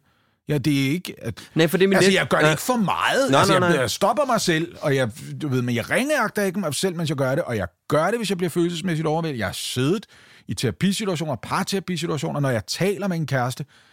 Du kan 100% stole på, at du, du kan godt mærke det på mig, når jeg siger, det her synes jeg er pisse svært, og jeg bliver ked af det. Og det er jo lige præcis det, der er lidt af broen over til at spørge dig om. Hvordan har din sårbarhed det? Øh, det, den tror jeg faktisk, jeg har det ret godt med. Jeg har jo, du ved, det jeg har kæmpet med, det har jeg jo også snakket om offentligt. Jeg, jeg, jeg har haft svært ved at udtrykke vrede på en fornuftig måde, fordi den opstår pludseligt, Mm. fordi jeg har gået, ikke har været vred i lang tid, men jeg har været vred. Jeg har bare ikke udtrykt det. Og det har noget at gøre med, at der findes ikke rigtig... Jeg mener jo, at det er den tabuiserede følelse for mænds vedkommende. Det er ikke tristhed, det er ikke ked af det. Hele den der ting med, at mænd skal kunne græde mere, så får I det bedre. Men det tror jeg faktisk, vi er ret gode til. Det tror jeg, vi er bedre til, end vi får, end vi får anerkendelse for. Vi gør det bare ikke lige så meget, som kvinder gør. Og, og det er ikke noget, jeg siger fordomsfuldt. Det er undersøgt. Altså, det er undersøgt ret omhyggeligt. Og der er ikke nogen, der siger, at kvinder er facitlisten her, og hvis vi bare gjorde som kvinder, ville vi have det bedre. Altså, hele ideen om, den gennemsnitlige kvinde græder 4-5 gange om måneden, den gennemsnitlige mand på samme alder 0-1 gang om måneden. Mm. Cirka. Det betyder altså ikke 4-5 er bedre end 0-1. Men 0, 0, 0, 0, 0, 0 og 0 er givetvis usundt. Det er usundt at nægte sig selv og give udtryk for det, hvis det er derfor, man ikke græder. Mm. Ikke? Fordi så håber det så også bare op. Ikke? Men, men den følelse, som er tabuiseret, det er, du skal ikke hæve stemmen sådan over for mig. Jeg føler mig utryg ved dig nu, og sådan noget. Ja. Hvordan kan du være i en konfliktsituation, hvis du aldrig nogensinde må give udtryk for din vrede, og du skal æde den hver gang og være rimelig og ordentlig, og stille og rolig, og du kan ikke finde ud af at diskutere på de passiv-aggressive, spydige Parametre. præmisser og sådan noget, for Aha. dem har vi ikke lært, fordi, fordi sådan taler drenge ikke sammen. Det er, hvis jeg ikke kan fucking holde Mikkel ud, mand. Siger du, du er så en fucking nar? Ja, din fucking nar, mand. Ja, Spil ja, ja. bolden næste gang. Hvad fanden laver du, mand? Men det sjove er jo så også, og det har jeg faktisk hørt flere kvinder sige, at de, de er meget imponeret over, at så er det overstået. Jeg kommer ikke bagefter til dig og sige, altså jeg kan godt sige, hold nu kæft, Lasse, mand. Tag dig nu sammen, spil nu bolden. Og så vil du sige, ja, fuck nu dig, eller eller andet. Men så, Ja, så er den ja. ligesom ude. Ja, og så hvis du væk. ikke gør det, så er problemet, om seks kampe, så kommer du lige pludselig med knopperne først i en glidende takling, Ja. og vi er holdkammerater, altså du ved, fordi du ikke fik sagt det. Så lad være med det. Mm. Og, og det kan vi finde ud af, fordi, også fordi der er ikke den der følelse af, jeg føler mig truet af dig, fordi vi er to mænd. Så selv Ja, ja, hvis du er stærkere end jeg er, så er der sådan en eller anden idé om, vi er jævnbyrdige. Det er jeg jo ikke med nogen. Hele ideen om, du behøver ikke være lige så bange for en voldelig mand, som en kvinde gør. Fuck jo, jeg kan ikke slås. Hvis den mand pander mig ned, så går jeg lige så meget ned, som du gør. Altså, men det gør jeg. Ja, ja, jeg forstår, Altså, jeg det er bare, du ved, jeg har jo været, før jeg fyldte 30, var jeg jo ved at få tæsk i byen de første 10-12 gange, eller sådan noget, bare for at være der. Ja. Det skal man ikke tage fejl af, også fordi det er socialt legitimt at slå på en mand. Det må man godt. Mm. Mænd må godt slå på mænd. Eller, det er lidt mere okay. Mm. Det er, rigtige mænd slår ikke på kvinder. Ej, så for derfor skal du vide, at i byen, der er mænd, der er farlige. De er to til tre gange så farlige for andre mænd. To til tre gange så ofte farlige for andre mænd. Så hold kæft, mand. Det jeg prøver at sige, det er, for mænds vedkommende i intime relationer, der tror jeg, at den, den ting, vi kan genkende til, når man er i en konfliktsituation, det er, at du skal eddermame temperere din utilfredshed, fordi ellers føler hun sig truet og utryg. Men hvordan giver du så udtryk for, at du er vred? Mm. For ellers så kommer det lige pludselig, så, altså du ved, så råber jeg så højt, at du ikke forstår, hvor højt jeg råber. Mm. Og jeg slår i bordet og banker i væggen, mm. og det er da ikke rart at være i nærheden af. Så hvordan finder jeg ud af at udtrykke det på en sundere måde? Fordi det er også, hvad sårbarhed handler om. Den sårbarhed handler i virkeligheden om, nu har jeg bygget irritationen over, at jeg har et den ene ting efter den anden, uden mm. du har opdaget det, fordi jeg har ikke været ærlig over for dig. Det er jo min egen skyld. Hvordan undgår jeg det ved at gribe det i situationen, sådan at jeg hele tiden letter ventilen? Ja. Og det behøver ikke være dit fucking pikhoved. Nej, nej, nej, det kan nej, bare nej, være, nej, nej. Gjorde det så sent som i formiddags. Vi havde lige en samtale i dag, og det var helt stille og roligt. Og oven i købet mig, der er med klump i halsen og tårer i øjnene, der er nødt til at sige, jeg synes ikke, det er rimeligt, når du gør det her. Nej. Og jeg, grunden til, at jeg synes, det er urimeligt, det er det her. Det er helt konkret det her. Og så har hun en mulighed for at sige til mig, det nåede jeg også at tænke, efter jeg gjorde det. Altså, jeg hører, du faktisk er ret godt fast i din egen sårbarhed, ikke bange for at bruge den i de situationer, hvor du skal bruge den. Men det gør jo også bare, at når du kan sige sådan til din kæreste, Mm. du siger til Line, prøv at når du gør sådan der, så bliver jeg faktisk pisseked af det på grund af det og det og det. Mm. Så responderer hun jo også med at sige, Ja. ved du hvad, det tænkte jeg faktisk også over, Ja. lige efter jeg kom til at sige det. Ja, ja. At du har jo nogle helt andre samtaler med din partner, når du siger, Og jeg er med på, der skal sgu også være plads til nogle gange at sige, kæft, jeg kan mærke, at jeg bliver vred nu, eller Ja. hvad det nu kan være, uden at man Ja. smadrer skoen igennem gipsvæggen. Men når du kan sige til din partner, prøv, jeg bliver fandme ked af det der. Det har typisk for mit vedkommende været noget med, at jeg flyttede mig selv fra situationen. Jeg blevet virkelig vred, så jeg prøvet at flytte mig selv fra situationen. Ja, okay. Men det synes jeg er fair nok, hvis du siger, prøv her, du skal lade mig være i fred lige nu. Jeg har Ja. brug for at samle mig selv igen og finde ud af, hvad fanden det egentlig er, vi taler om. Altså, men, jeg, men jeg påtager mig ansvaret for, når jeg har været virkelig dårlig til det. Det ved jeg godt. Jeg, jeg, Ja, jeg, har, bare ikke, jeg har ikke lært det her på en fornuftig måde, og Mhm. jeg tror meget stærkt på, at det er en af de ting, der ikke er blevet afleveret en fornuftig strategi for. Ja. Det, blev, det fandt man aldrig rigtig ud af. Det fandt man, du ved, vi var klar over, at den var gal. Vi var klar over, at den var gal med den tavse mand, der sad bag ved avisen Ja, ved, ved morgenbordet, og som ikke forholdt sig til børnene osv. Den, øh, det var en forfærdelig patriark. den dutter ikke. Nej. Det du overhovedet ikke. Mm-hmm. Så kom der en fuldstændig opløsning af det, hvor det var som om, mænd ikke rigtig satte nogen grænser i forhold til det op gennem 70'erne, og det var hønsestrik, og, og, og så lærte vi ligesom sådan en snedig kameleonstrategi, hvor man spejler, hvad hun siger, hun gerne vil have, så, fordi så kan det være, Mm. at hun gider knalde mig. Ja. Men der var ikke rigtig nogen, der vidste, hvem er du så, og hvad er det, du gerne vil have? Nej. Og nu er vi så egentlig, jeg tror, at den næste generation af mænd, det er, det er nogle helt andre problemer, mænd og kvinder har, sådan dem, der er i 20'erne nu. Jeg tror, millennials har det fucking hårdt. Jeg tror, Gen Z har det fucking hårdt. Mm. Det er meget værre, end hvad vi står med lige nu. Du er nødt til at swipe dig til det næste forhold. Ja. Fuck mig, jeg synes, det er vemmeligt. Men, men jeg tror, at for vores generations vedkommende, der er, der er det ved det, at svaghed og vrede ligger også meget tæt på hinanden for mænds vedkommende. Og det er det, der er usundt. Det er der slet ikke nogen tvivl om, der er usundt. Men det, men det handler ikke om, hvis du bare tude mere, så vil du ikke blive så vred. Mm. Det er, hvis du kan få lov til at være vred på en måde, så du ikke fik at vide. Det bryder mig ikke om, det mm. der. Hvis du kan få lov til at være vred på en sund måde, så kan du styre din vrede. Jeg kan ikke tude mig væk fra at blive vred. Så det, jeg hører dig sige her til allersidst, på, ja. på kanten, på Ja, nippet, ja, ja. på nippet, det er... Jeg har fået I- varmet godt op efter. Ja, men det er fedt. Ja. Det er en meget spændende samtale. Det er, at faktisk så fornemmer jeg, at du har en god relation til din sårbarhed.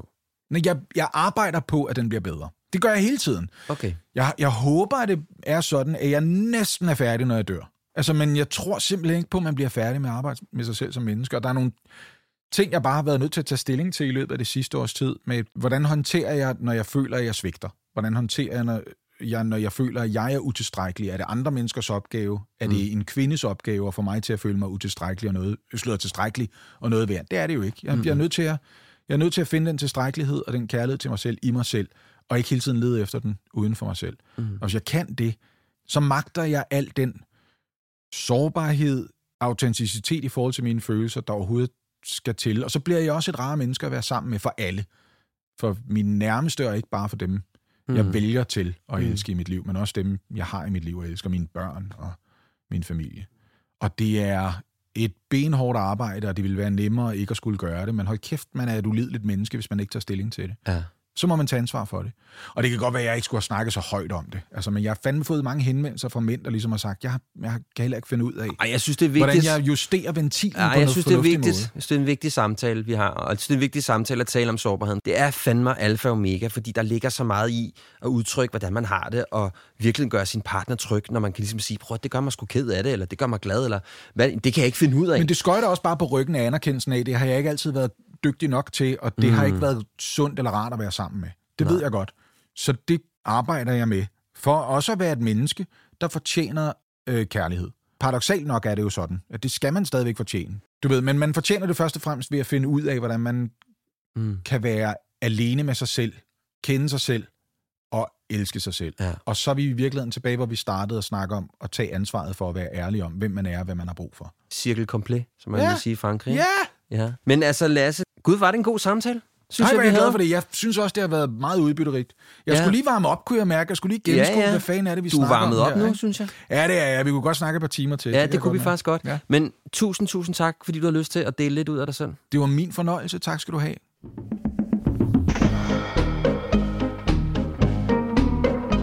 For mig er der noget interessant i den måde, Lasse beskriver sig selv på, og hvor han er på vej hen i sin udvikling. For han kalder sig selv en distanceblænder. Altså en person, der er usandsynlig god til at pakke den smule viden, man har om et emne, ud på en så overbevisende måde, at det gør, at du nærmest bliver overvældet af svaret, og faktisk ikke rigtig har lyst til at spørge mere ind til det.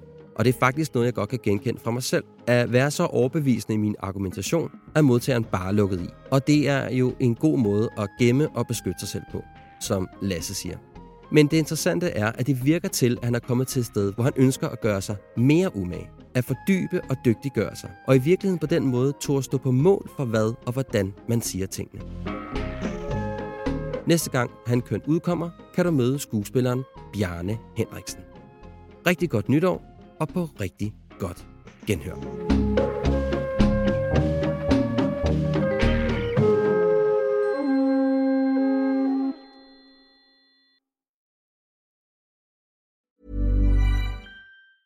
Planning for your next trip? Elevate your travel style with Quince. Quince has all the jet setting essentials you'll want for your next getaway, like European linen, premium luggage options, buttery soft Italian leather bags, and so much more. And is all priced at 50 to 80% less than similar brands. Plus, Quince only works with factories that use safe and ethical manufacturing practices. Pack your bags with high-quality essentials you'll be wearing for vacations to come with Quince. Go to quince.com/pack for free shipping and 365-day returns. Mom deserves the best, and there's no better place to shop for Mother's Day than Whole Foods Market. They're your destination for unbeatable savings, from premium gifts to show-stopping flowers and irresistible desserts. Start by saving 33% with Prime on all body care and candles. Then get a 15-stem bunch of tulips for just $9.99 each with Prime. Round out Mom's menu with festive rosé, irresistible berry chantilly cake, and more special treats. Come celebrate Mother's Day at Whole Foods Market.